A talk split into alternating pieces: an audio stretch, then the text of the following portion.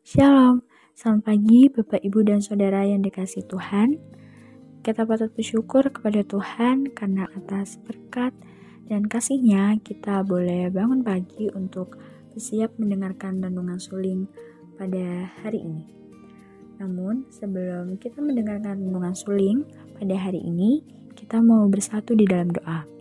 Mari Bapak Ibu dan Saudara, kita bersatu di dalam doa. Selamat pagi Bapak, ucap syukur untuk berkatmu, kasihmu, cintamu yang senantiasa engkau limpahkan di dalam kehidupan kami. Kami ucap syukur karena kami boleh bangun pagi dengan keadaan yang sehat dan bersiap untuk mendengarkan renungan suling pada hari ini. Kiranya renungan suling yang kami dengarkan ini bisa menjadi sumber kekuatan dan sejahtera menjadi berkat, kedamaian, dan juga dapat bermanfaat bagi sesama di sekitar kami. Terima kasih Bapak yang baik. Ampuni segala dosa dan kesalahan kami. Di dalam dan minum saja kami tak berdoa dan mengucap syukur. Haleluya. Amin. Baik, Bapak Ibu dan Saudara yang dikasih Tuhan, renungan suling pada hari ini, tanggal 21 Februari 2022, berjudul Belas Kasihan Tuhan Tidak Pernah Salah.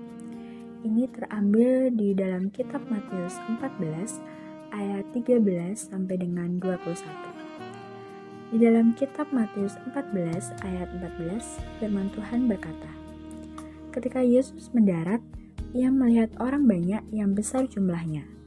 Maka tergeraklah hatinya oleh belas kasihan kepada mereka dan ia menyembuhkan mereka yang sakit.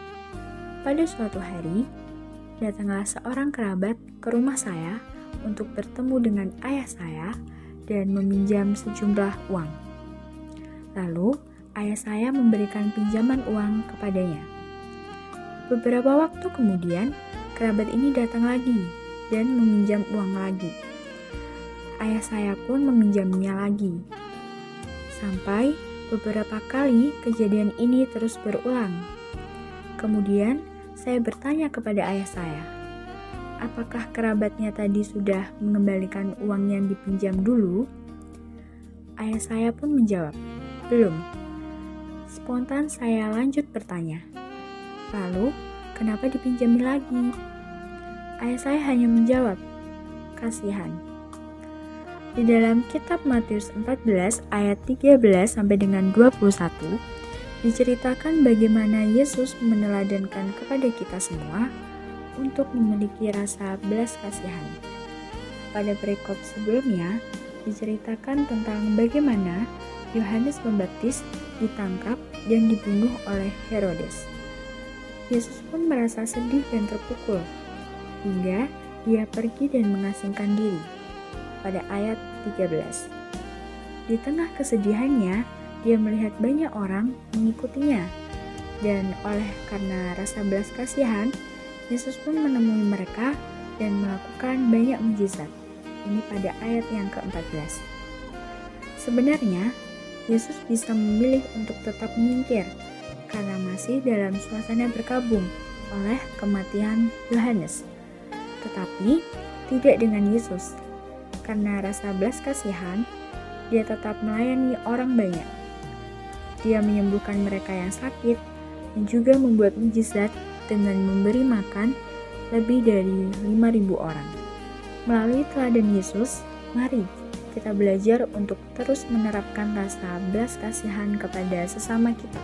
Tidak bisa dibayangkan jika Yesus tidak berbelas kasih kepada kita. Kita tidak akan mendapatkan keselamatan. Setiap waktu kita sangat mudah melakukan dosa, dan karena belas kasihan Allah saja, kita diberikan anugerah keselamatan.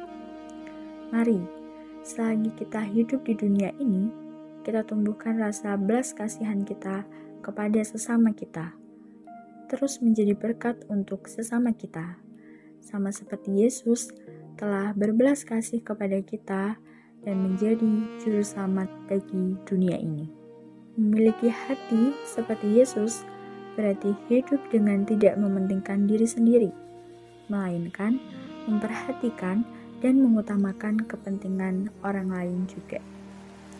Baik, Bapak Ibu dan Saudara yang dikasih Tuhan, pokok doa pada hari ini kita berdoa untuk rumah sakit dan klinik baptis yaitu Rumah Sakit Immanuel Lampung, Rumah Sakit Baptis Batu, Rumah Sakit Baptis Kediri, Klinik Baptis Mitra Setia, dan Klinik Baptis Kupang.